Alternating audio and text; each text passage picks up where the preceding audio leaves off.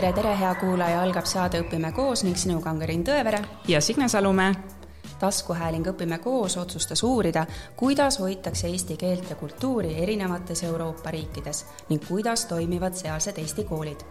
integratsiooni sihtasutuse toel asusimegi ringreisile ning saatesarja Õpime koos Euroopa jooksul saame läbi persoonilugude teada igaühe Eesti lugu ning saame aimu, kuidas toimib kohalik elu ja koolisüsteem tänane saade jõuab sinuni Prantsusmaa pealinnast Pariisist ja meie külaliseks on Merit.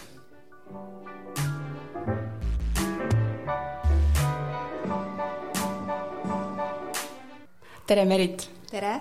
me kohtusime sinuga siin Eesti koolis Pariisis. mida sina siin Eesti koolis Pariisis teed? Eesti koolis äh, mina õpetan äh, täiskasvanud õppijatele eesti keelt, ehk siis äh, ma õpetan lapsevanemaid, kelle lapsed on eestlased ja kelle kaaslane on eestlane, aga kes ise veel eesti keelt ei räägi mm. -hmm. kui palju sul õpilasi siin iga kord käib? mul on viis õpilast, kes käivad regulaarselt kohal. Ja kas need õpilased muidu õpivad äh, ka eesti keelt kusagil, kas iseseisvalt mingitel kursustel või on see ainus võimalus neil õppimaks eesti keelt? niimoodi päriselt õppimiseks see vist on tõesti ainus võimalus, aga muidugi nad kodus on selle eesti keele sees ja nad kuulevad seda igapäevaselt kas sul on motiveeritud õpilased? mul on väga motiveeritud õpilased ja milline nende keeletase siis on?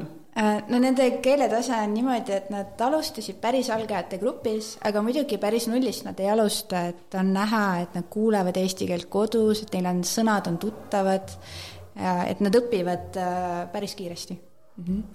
Ma tean sinu taustast natukene seda, et äh, sa oled ka Eesti koolis õpetanud äh, prantsuse keelt. et aga ma tulen tagasi nende täiskasvanute juurde, et sa ütlesid, et nad on äh, motiveeritud ja neil on huvi eesti keele vastu suur tegelikult.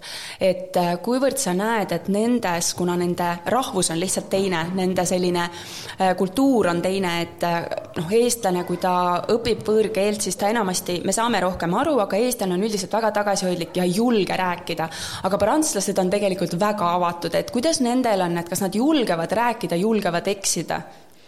Ehm, pigem, pigem küll, et on näha, et nad tahavad väga rääkida. Ehm, eksimise koha pealt ma arvan, et äh, keele õppimine on alati selline pisut hirmutav ja eks meil koolisüsteemist tuleb kaasa ka see kartus eksimise eest, et seda neil natuke on ja see on midagi, mida ma üritan äh, välja juurida. aga noh, see läheb kiiresti tegelikult, et oleneb täiesti õhkkonnast, mis klassiruumis tekib mm. -hmm. aga kuidas sa selle tunni endale üles ehitad või kuidas sa, sa kohtud tegelikult väga harva nendega, on see kord kuus vist saate kokku? Äh, me nüüd äh, saame tõesti kokku kord kuus ja kord kuus siis lisaks me teeme Zoomi kaudu tunde. siis kokku tuleb keskmiselt kaks korda kuus ja ma üritan äh, teha siis tundides segu grammatikast ja rääkimisest ma alati tutvustan mingisugust grammatika printsiipi, et neil oleks nagu baas, mille pealt üles ehitada kõnelemist, aga me rohkem üritame ikkagi keskenduda rääkimisele, küsimuste küsimisele, et nad saaksid võimalikult palju praktikat mm. -hmm. on mingi kindel äh, keeletase, kuhu teil on eesmärk välja jõuda või on lihtsalt, et saaks äh, suhtlema hakata? Jah, pigem ikkagi nagu, et saaks suhtlema hakata, et me alustasime tõesti sealt äh, väga madalalt tasemelt ja me liigume siis koos edasi, et mis, vaatame, kuhu jõuame. mis olid esimesed sõnad, mis nad ära õppisid äh,? see on hea küsimus, eks ikkagi oli tere, kuidas läheb, kuidas elad, kindlasti see vastus, et normaalselt tuleb ikkagi vastata küsimusele, kuidas läheb, et mhm. oleks nagu tõelised eestlased aga minu jaoks oli hästi vahva see, et äh, lõunapausi ajal minuga tuli üks sinu õpilane rääkima täitsa niimoodi, äh, noh, ma ei osanud seda oodata ja siis see oli nagu selline, et sellest ka minu küsimus, et kuivõrd avatud nad on ja tahavad ise seda vestlust ava- äh,, nagu alustada, et nad julgevad tulla ka täitsa võõraste juurde ja hakkavad rääkima, et see on nagu hästi positiivne ja, ja väga ilus ja hea eesti keel oli, et, et rõõm kuulda. aga tuleme selle sinu loo juurde, et kuidas sina siis siia Prantsusmaale jõudsid, et äh, ma saan aru, et sa õppisid äh, Tallinnas Prantsuse lütseumis? Äh, jah, esimene kokkupuude prantsuse keelega oli tõesti Prantsuse lütseumis. edasi ma läksin, ma läksin tegelikult Belgiasse vabatahtlikku teenistust tegema ühte väiksesse linna. kuhu linna sa läksid? see oli Marche-en-Famenne, mis on tõesti tillu-tillu väga-väga väike jah, seal ma veetsin aasta aega, et mis sa tegid seal? ma töötasin noortekeskuses noortega, et see oli Euroopa Vabatahtliku Teenistuse programm, mis saadabki inimesi Euroopasse mm. -hmm et äh, arendada oskusi ja siis nii ma sattusin ja seal ma olin aasta aega ja arendasin oma prantsuse keelt edasi, et ma saaks rääkima hakata.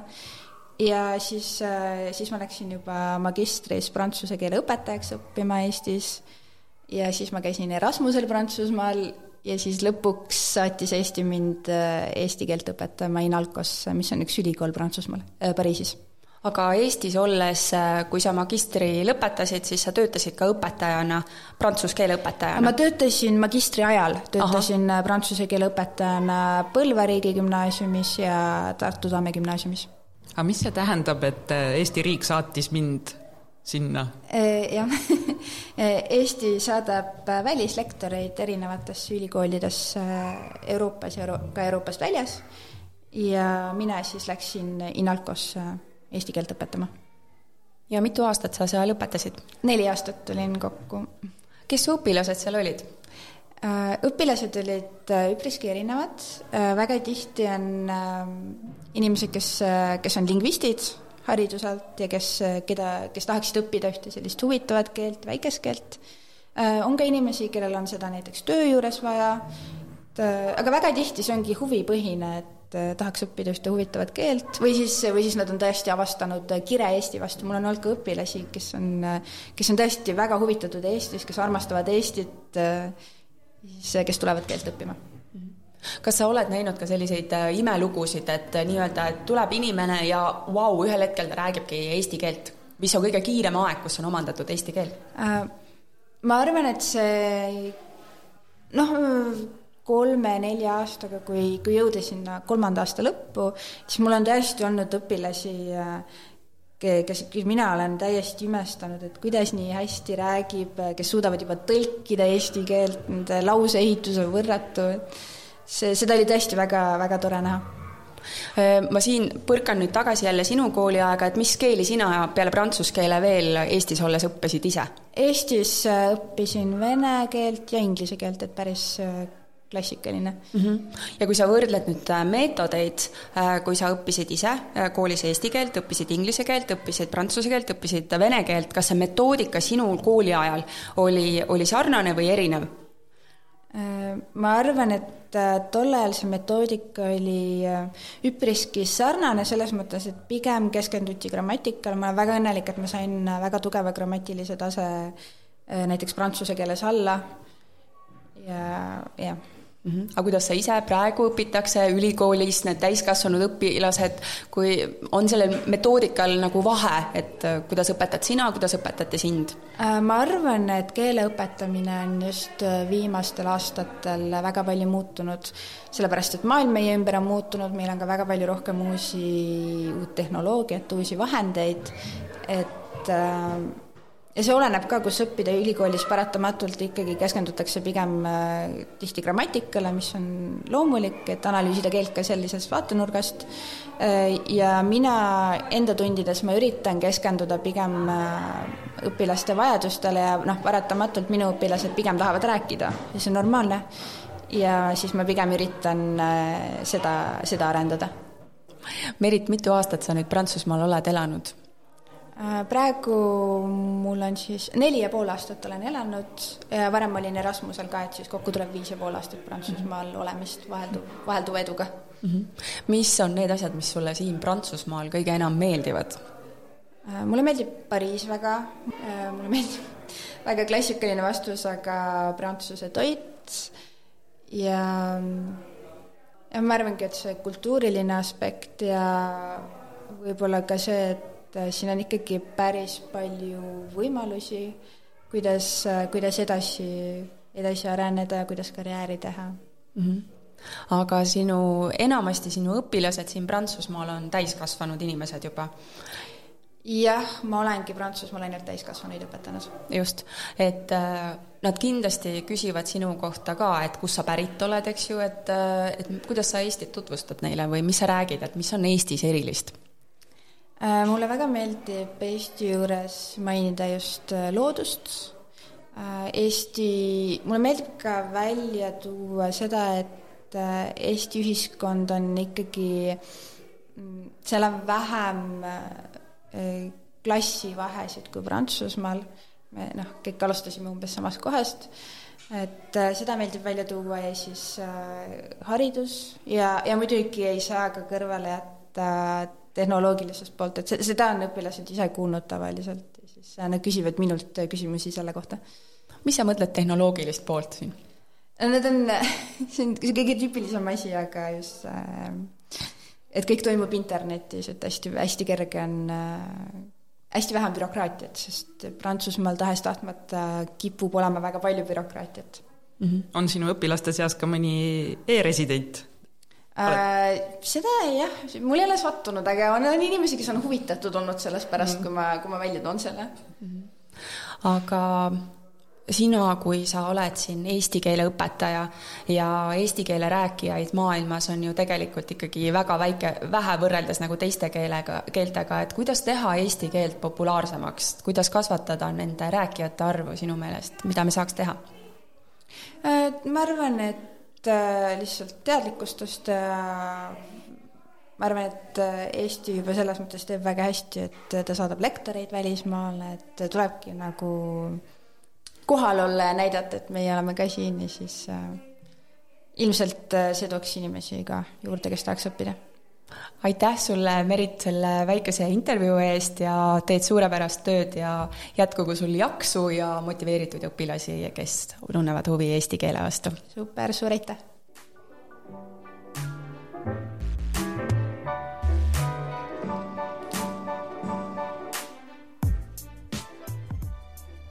tere, Kertu! tere! no rõõm on kohtuda meie Patreoni toetajaga ja esimene küsimus sulle on, kuidas sina leidsid taskuhäälingu Õpime koos? appi, ma üldse ei mäleta enam no ma tuletan sulle meelde, et äh, mõned aastad tagasi saime me ühe imelise kirja Kertult kes kirjutas, et ta on Prantsusmaalt muusikaõpetaja ja et me võiks teha saateid muusikateemadel ka, et nii põnev on, nii põnev on ja nii ägedaid saateid teeme ja ühesõnaga, sa oled meie inspiratsioon ja muusa täna, et meie oleme siin Pariisis põhimõtteliselt ja nüüd me kohtumegi, mul on, tuleb kalanahk peale, kui ma seda räägin. et kas sul tuleb nüüd meelde, kuidas sa leidsid taskuhäälingu Õpime koos?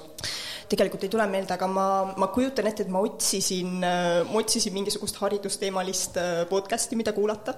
Ja ju ma siis teie otsa koperdasin nii kogemata ja see sinu tagasiside tegelikult, äh, see ei jäänud äh, seisma kuskil, et me hakkasime äh, asja edasi ajama ja Reigo Ahvenaga võtsime ühendust, et saatesse kutsuda, kahjuks ei ole praegu lihtsalt klappima saanud temaga, aga et, et loodame ka muusika siis teemalisi saateid tuua. super!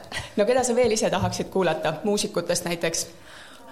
Meie jaoks oli esimene asi oli Reigo Ahvena poole pöörduda kohe ja ta ütles, loomulikult on nõus, aga, aga kas sul endal tuleb veel nii-öelda inspiratsioon? tegelikult äh, ma mõtlen sellise meesterahva peale nagu Mati Põdra mm, -hmm. kes on muusikaõpetaja ja kes on väga, väga laia haardega, temal võiks olla huvitavaid äh, huvitavaid kogemusi jagada ja mhm. teadmisi jagada mm. -hmm. no muusikast me täna räägime, et kas muusika oli see, mis tõi sind siia Prantsusmaale ka või oli miski muu? Oli ikkagi miski muu. no räägi siis meile lähemalt, kuidas sa jõudsid Prantsusmaale? selles mõttes siin ei ole midagi originaalset, et äh, elu tõi mm, -hmm. armastus tõi ja hiljem muusika jättis mind siia paigale. kui kerge või raske on tulla teisest äh, keelekultuurist, äh, kultuuriruumist äh, võõrale maale, et mis olid sinu jaoks sellised nii-öelda raskuspunktid, okei okay,, armastus annab tiivad, on ju, aga, aga mis on need, kui sa tagantjärgi nagu mõtled, et, et mis oli nagu keeruline tegelikult? No keeleliselt on ikkagi keeruline, sest ma ei osanud prantsuse keelt, aga, aga mis oli tore, et äh, kuna ma ei tulnud siia täitsa tühja koha peale, siin olid tõesti inimesed ees, kes olid valmis minuga rääkima ka aeglaselt ja rahulikult ja üle selgitama ja ja noh, see aitas palju kaasa just keele, keelelisele arengule noh, oligi alguses, kui ma siia tulin, siis ma, ma ei hakanud kohe muusikuna tööle või, või muusikaalaselt tööle. et äh, ma töötasin Vinnambria istandustes, mis mhm. oligi selline, noh, see oli selline töö, jah, mida, mida sai teha ja kus ei olnud vaja äh, eriti rääkida prantsuse keelt.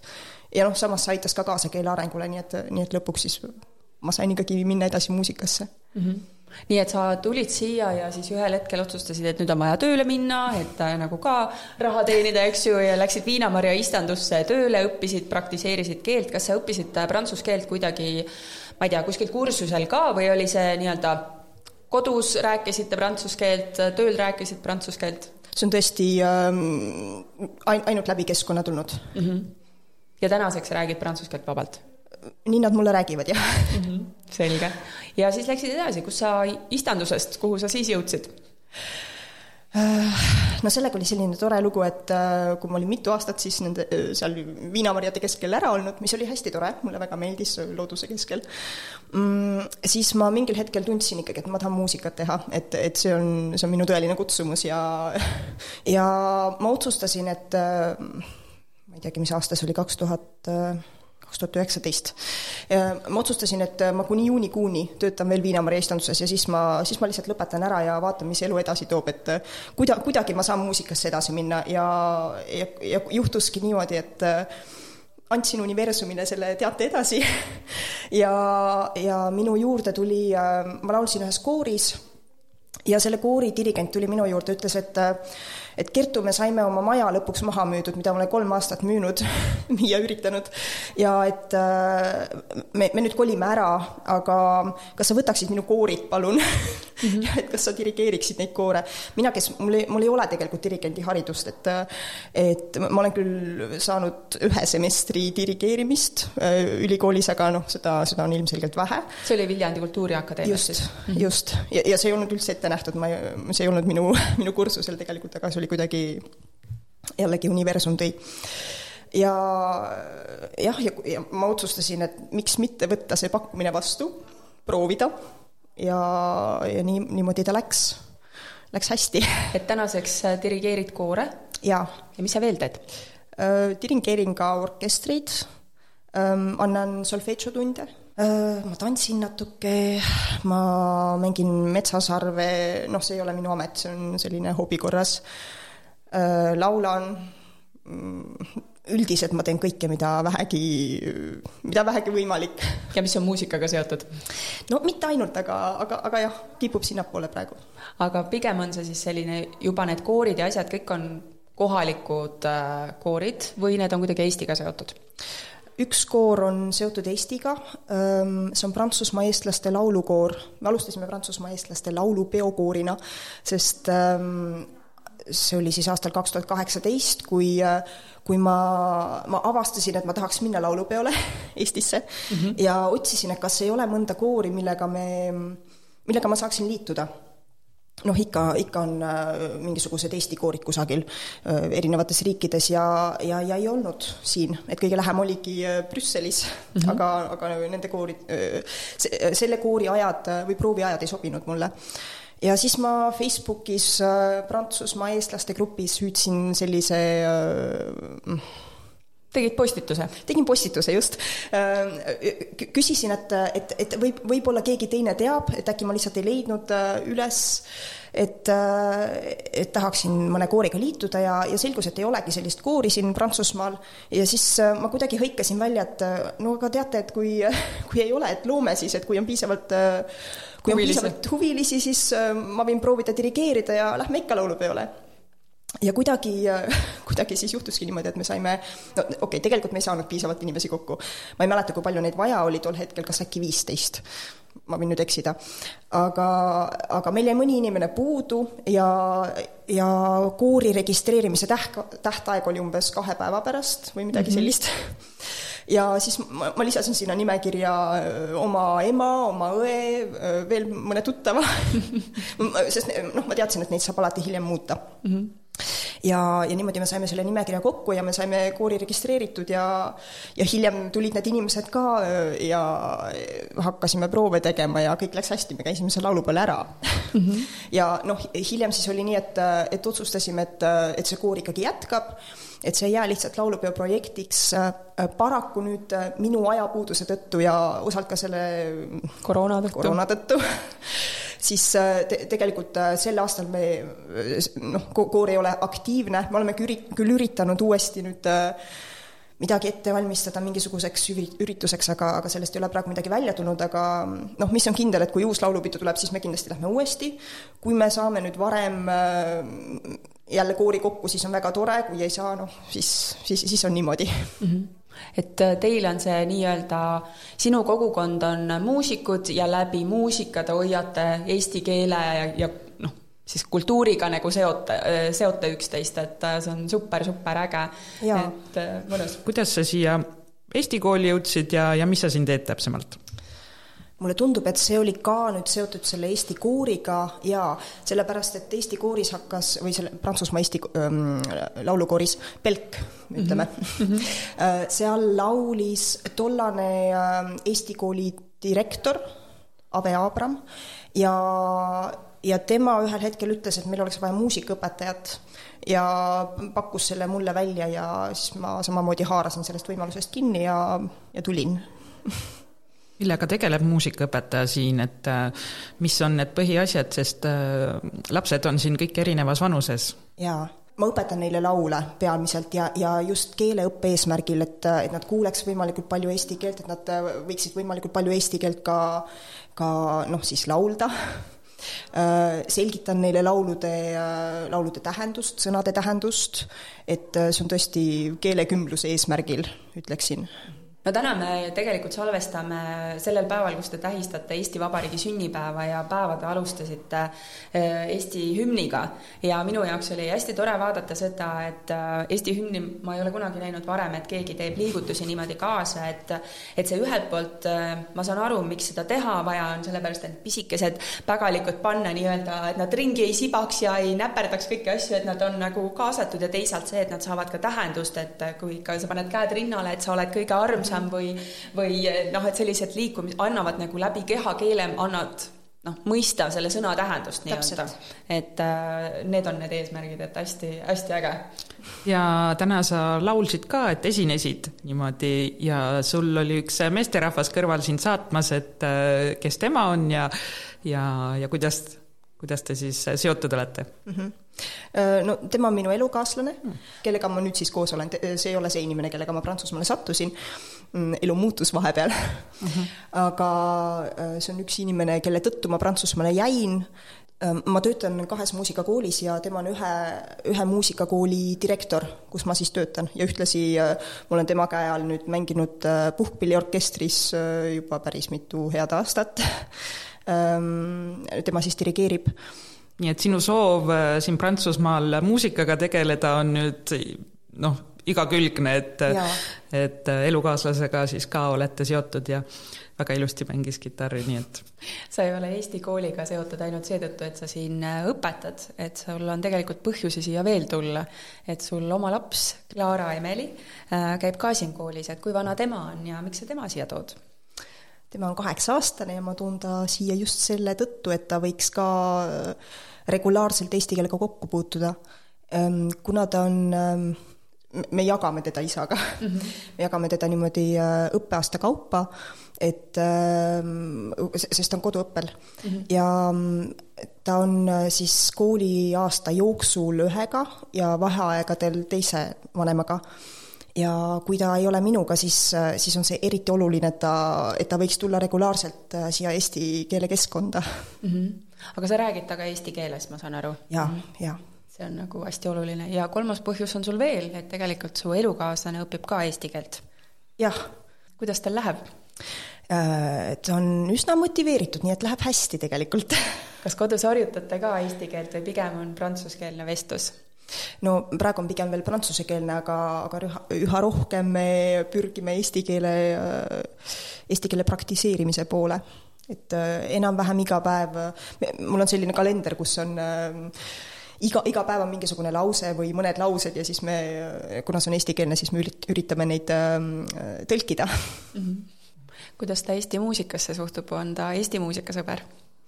Äh, jaa meie alguse lugu, kui ma võin nii öelda, siis, siis on ka natuke Eesti muusikaga seotud, sest sest selleks, et no tema oli see, kes, kes mulle kõigepealt oma tundeid väljendas ja mul läks natukene aega, enne kui ma siis talle neid tundeid äh, tagasi väljendasin.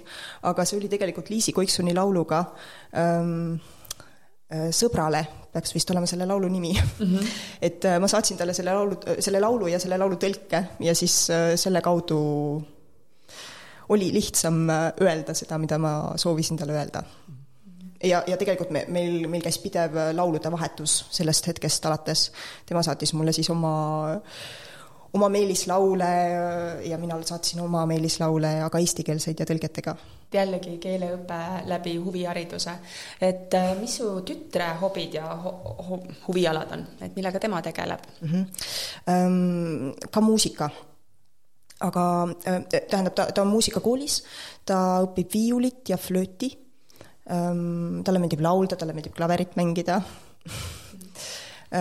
mis on ka normaalne, ta on, ta on minuga väiksest saati igal pool kaasas käinud proovides, ta magas big bändi proovides sest meil olid big, big bändi proovid väga hilja õhtul ja no, no see on, see on täiesti, see on väga üllatav, kuidas ta, kuidas ta saab sellise lärmi keskel magada aga, aga jah. Ta käib tantsimas, talle meeldib, kuna ta isa koob, siis talle meeldib kududa mm. -hmm kunst meeldib talle, talle üldse igasugused käelised tegevused, aga ma ütleks, et ta on hästi laia haardega, talle meeldib reisida, äh, ma ei teagi, mis talle ei meeldi mm. -hmm et äh, see on nagu päris põnev kuulata, et see loetelu oli hästi pikk, et kas see on kõik nüüd Prantsuse kultuuriruumist kaasa tulev, et see on tavapärane, et Prantsuse lapsed nii-öelda tegelevadki hästi paljude hobidega või see on selline Eesti lapsevanema initsiatiiv, et lapsel peab olema huviring ja nii edasi? No eks siin käivad ka lapsed huviringides, aga, aga ma ei usu, et see on nüüd äh, niivõrd seotud kultuuriruumiga kui äh, vanemate individuaalsusega. et äh, lihtsalt äh, tema vanemad mhm. on mm, -hmm. on äh, sellised, kes, kes tegelevad erinevate asjadega ja, ja see on sealt kaasa tulnud aga Prantsuse haridussüsteem, et kas see võimaldab seda, et äh, kas need äh, huviringid toimuvad siis pärast äh, koolipäeva või on koolipäeva jooksul, et kas kool ka pakub huviringe mm? -hmm. Prantsusmaa koolisüsteem on tõesti Eesti omast erinev selles suhtes, et siin on hästi pikad koolipäevad ja antakse hästi palju õppida kodus. ilmselt on selliseid kooli, kus, kus nii ei ole, aga riigikoolis on ikkagi väga palju õppida, et ähm, no tegelikult pärast, pärast koolipäeva ei jää eriti aega, et mingisugust huviharidust teha, samas kolmapäeviti on, on päevad kas vabad või siis on pool päeva vaba. Ja see on just huvihariduse jaoks. Et lap-, lapsed käivadki enamasti mingisugustes trennides või, või kooliaja välistes tegevustes, tegevustes. kas siis kolmapäeviti või laupäeviti noh, on erandeid ka ikkagi, saab pärast kooli ka, aga see on pigem no küllap see sõltub sellest, kuidas lapsel koolis läheb, kui palju tal on vaja pingutada, et või kui palju aega läheb koduste tööde tegemiseks näiteks mm. -hmm meil Eestis on ju niimoodi, et kui laps on koduõppel, ta ikkagi peaks kuskil nagu koolis justkui nimekirjas olema. et kuidas siin Prantsusmaal on, et kas ta peab, on mingi kooli nagu õpilane, aga lihtsalt siis õpib, on koduõppel?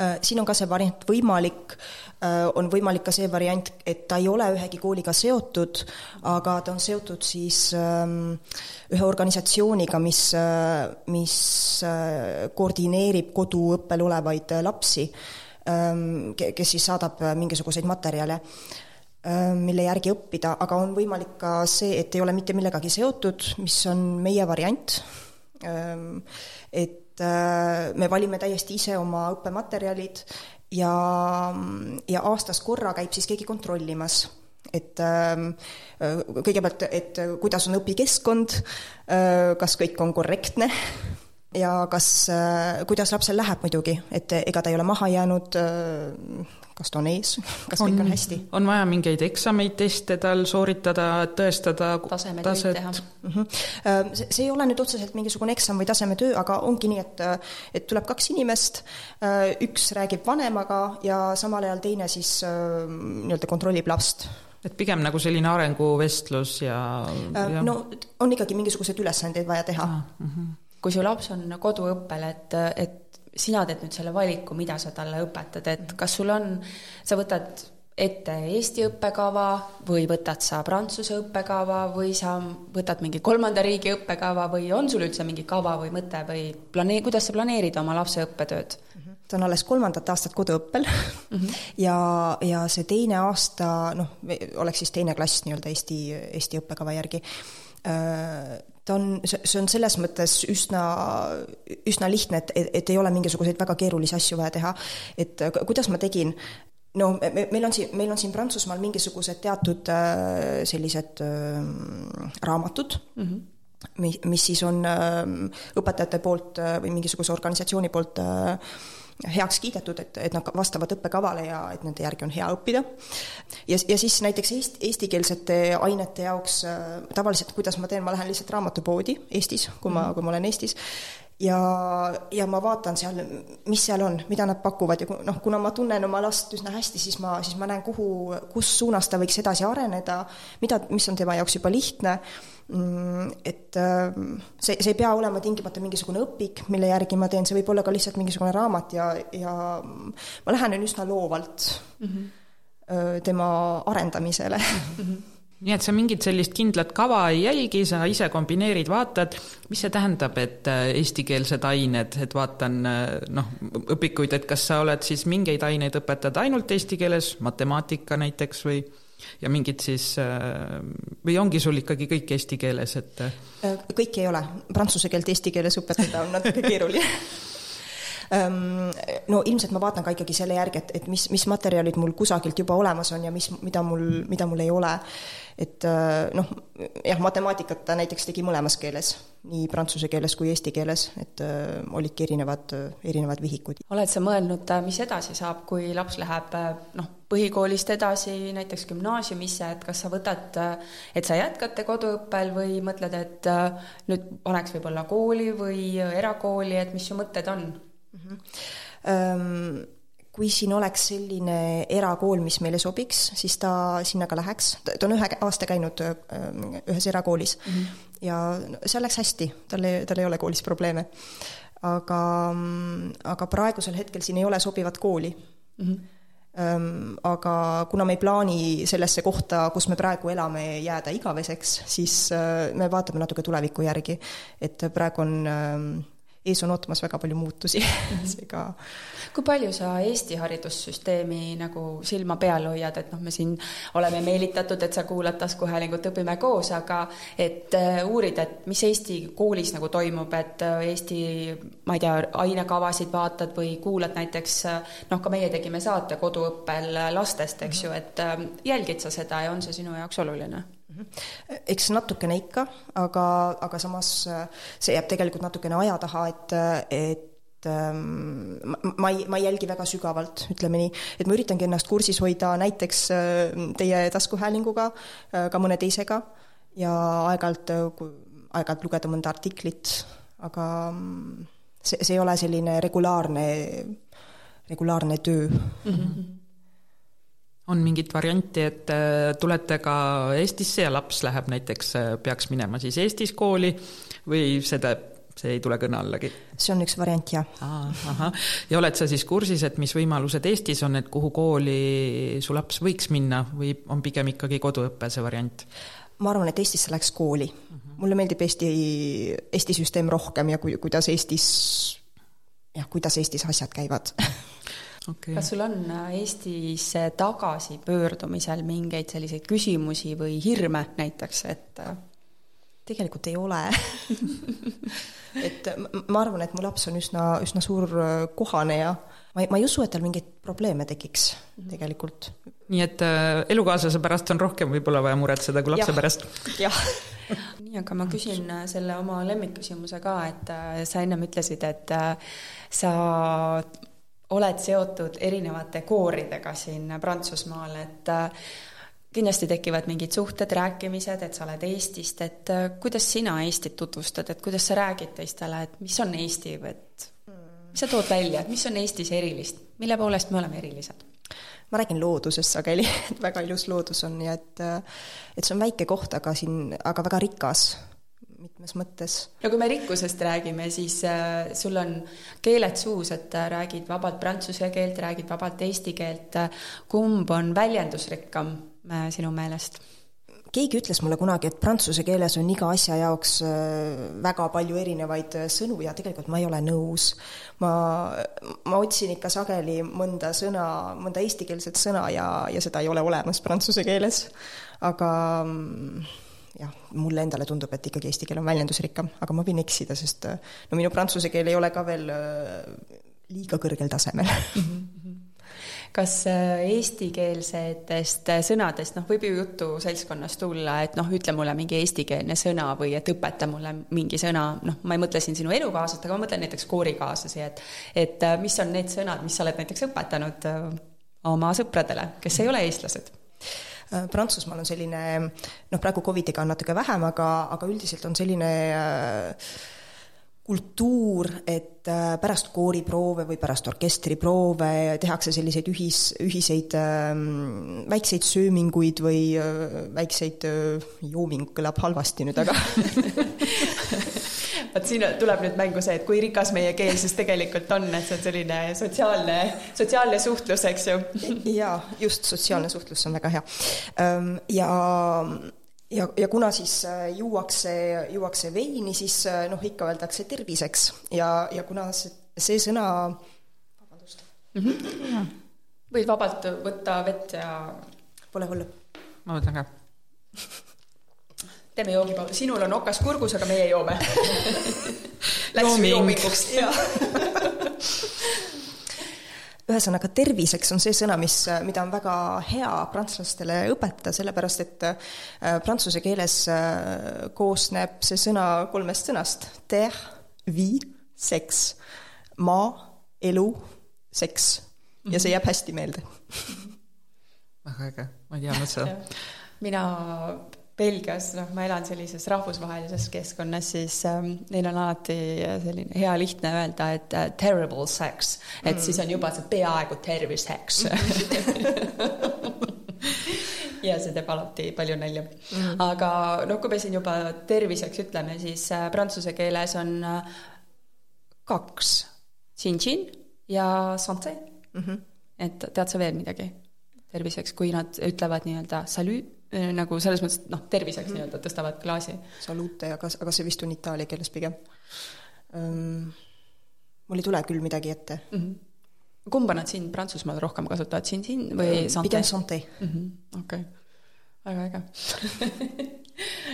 aga siin olles, äh, mida sa oled iseenda kohta kui eestlase kohta õppinud, et äh, oled nüüd siin saanud võrrelda ennast, on ju, prantslastega, selle kultuuriga, et on midagi sellist huvitavat, mida oled nagu enda kohta teada saanud? see on tegelikult selles mõttes hästi keeruline küsimus, ma olen endalt küsinud seda, aga ma ei ole vastust leidnud, sest ähm, ma võtan ennast kui ähm, ma ei teagi, kuidas nüüd õigesti öelda, kui, kui individuaali, kes ei ole noh, loomulikult ma olen osa kult-, mingisugusest kultuurist, aga aga ma arvan, et ma võtan igalt poolt midagi ja ma, ma ei julge öelda, et ma olen selline, nagu ma olen, sellepärast et ma tulen Eestist või et mm. ma olen selline sellepärast, et ma elan Prantsusmaal.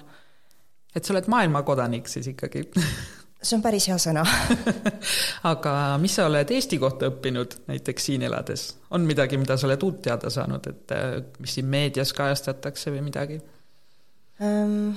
pigem kinnitus sellistele kultuurilistele arvamustele, et, äh, et eesti keel on äh, väga, olevat väga vene keele sarnane ja mm. ja et kas Eesti, kas Eesti on osa Euroopa Liidust? kuidas, kuidas sulle tundub, kas Eestil on nagu hea maine siin Prantsusmaal? Ke-, keegi mulle ei ole midagi halvasti öelnud selle tõttu, et ma tulen äh, Eestist, et pigem on vastupidi. Ähm, aga see on ka tänu sellele, et ma, et ma soovin keelt õppida, et ma soovin nendega suhelda, et ähm, see, see on oluline, et ma, et, et keegi, kes tuleb nende kultuuriruumi, et, et ta tahaks osaleda, et, et ta ei tule siia mingisugust oma asja peale suruma et võetakse kergemini omaks siis, kui sa oskad nende, nende keelt juba rääkida, eks ju, ja, nad avanevad äh, rohkem, kui ja. et sa oled lihtsalt äh, inglise keelega või eesti keelega püüad, eks ju, hakkama saada. kindlasti no sina tulid siia armastusega, on ju, et armastus tõi su siia, aga millist nõu sa annaksid noortele, kes äh, võib-olla mõtlevad siia elama, õppima tulla, et oma sellise kogemuse pealt, millest alustada? Mida võib-olla juba ette valmistada Eestis olles, et olla avatud, ehm, tõesti õppida keelt, millest sa eestlasena siin puudust tunned võib-olla, kas saaks midagi Eesti riik sinu heaks ära teha, siin kohalik saatkond, Eesti kogukond, teil on Eesti selts siin, mida sa ootad, mis tuge sina vajad? Ma arvan, et ikka väga palju asju, mida, mida ma ise saan teha, kui mul on midagi puudu, et ma, ma ei tunne otseselt puudust mingitest toitudest aeg-ajalt, aga noh, see ei ole nüüd küll selline asi, et et Eesti saatkond peaks organiseerima kohukesi näiteks kohalikesse poodidesse või ma võin sulle vihje anda, et kindlasti on siin ka vene kogukond, et vene poodides tavaliselt leiab need kohukesed üles. On küll. no ma kohe küsingi siit juurde, et äh, mis on need kingitused, mida sa siis ootad, kui pere või tuttav külla tuleb, et Eestist kaasa tooks mm? -hmm. kohukesest või üldse kohupiimast ma ei ütle kunagi ära mm. -hmm aga noh, seda on natuke keeruline, keeruline tuua võib-olla, kuna see on piimatoode. Eesti jäätisega on sama lugu, ega Prantsuse jäätisel ei ole sama maitse mm. no must leib. must leib oli kunagi, aga ma teen nüüd ise musta leiba. seega see ei ole ja. enam takistus mm. -hmm aga see on jällegi üks äh, osa meie kultuurist tegelikult. ja kui me täna siin lõunalauas olime, siis äh, ka kama oli laua peal, et, äh, et jällegi sa täitsid need kannud, eks ju, et, et Eesti toit on nagu oluline, et et kui palju see igapäevaelus ka teie laual on, sa ütlesid, et sa teed Eesti leiba, kama, kiluvõileivad, kartulisalat, et et on see tavapärane, et paned sa lauale Eesti toitu sageli? ma arvan, et pigem pidupäevadel et enamasti on see prantsuse köök siis, mis te sööte igapäevaselt, küsin siis, mis on prantslase toidulaual? no prantslased ise ütlevad, et nad on selline liharahvas liha ja vein, aga noh, see sõltub ikkagi väga, väga inimesest endast, mina söön üsna vähe liha, kala natuke rohkem ma söön nii mitmekülgselt, mul on, mul on keeruline öelda nüüd, et me sööme seda või seda. no kui meie mõtleme prantslaste peale, siis no hommikusöögiks on croissant kindlasti Aa, ja, ja, ja kohvi on ju mm, -hmm. teed väga ei jooda, on mm -hmm. see stereotüüp õige?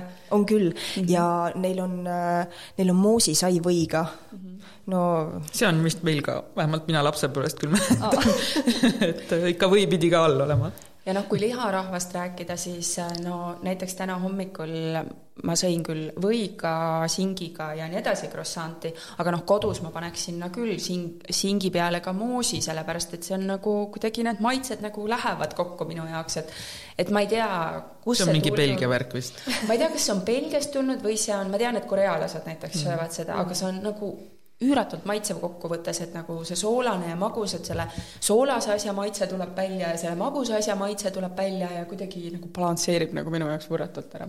väga huvitav, kui keegi proovib, siis äh, jagage meiega. tuleb kogemust. välja, et see saade ei ole mitte Kertust, vaid Karini maitse-eelistustest aga mind huvitaks, et äh, noh, meie taskuhääling on ju, on Õpime koos, et äh, kas eestlasena, mis eestlased siin veel koos teevad või ongi ainult see Eesti kool see, mis ühendab sellist Eesti kogukonda? Millega sina seotud oled, et sinu kogemus e? e ega mi, ma ei olegi, ma ei puutu teiste eestlastega teistmoodi kokku mm. -hmm. et äh, ma julgeks väita, et need, kes elavad Pariisis äh,, neil on rohkem võimalusi teiste eestlastega kokku sattuda. mina, mina olen Pariisist kakssada kilomeetrit lõunas ja seal ma, ma tean, et on üks eestlanna veel ähm, kusagil aga, aga jah see vist ei ole nii oluline ka sinu jaoks, et noh, oleks selline igapäevane või regulaarne siin kokkupuut-, puude eestlasega? no eks ta natukene ole selles mõttes oluline ja ma saan sellest just nüüd siin Eesti koolis aru, sellepärast et no, no tore on ikkagi tulla kokku ja, ja rääkida eesti keeles ja ja just selle Eesti kooriga meil oli vahepeal nii, et äh, me mõtlesime, et võib-olla me peaks natuke laienema, et võtame ikkagi mõne prantslase ka kampa. aga, aga kahju oli sellepärast, et see tähendab seda, et ma peaksin rääkima ikkagi prantsuse keeles või prantsuse keeles ka. ja päris mitmed kooriliikmed ütlesid ka, et ikka nii tore on, kui eesti keeles saab rääkida ja suhelda ja et ikkagi on, ikkagi on, on oluline. tähtis, et saad oma keeles rääkida. jaa mm, -hmm. jaa sa ütlesid ka, et tulevikuplaanid võib-olla on Eestiga seotud, et kui sa Eestisse tagasi lähed, et millist Eestit sa ootad? tolerantset. ma tahaks öelda, et sellist Eestist nagu, nagu, nagu enne, kui ma sealt ära tulin, aga, aga kui, kui te nüüd tahate, et ma ütlen, missugune see Eesti siis täpselt oli, siis on keeruline öelda. ma ei tahaks poliitikasse laskuda mm. -hmm.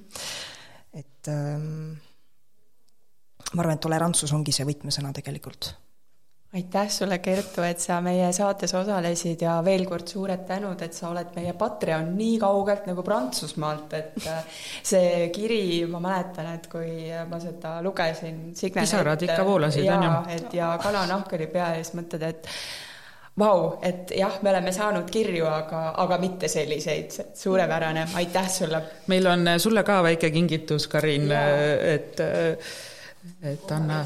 otsin välja laiali. nii, Kertu, sulle meie märkmik, pastakas ja kaart ja ma kohe võtsin kleepsu ka.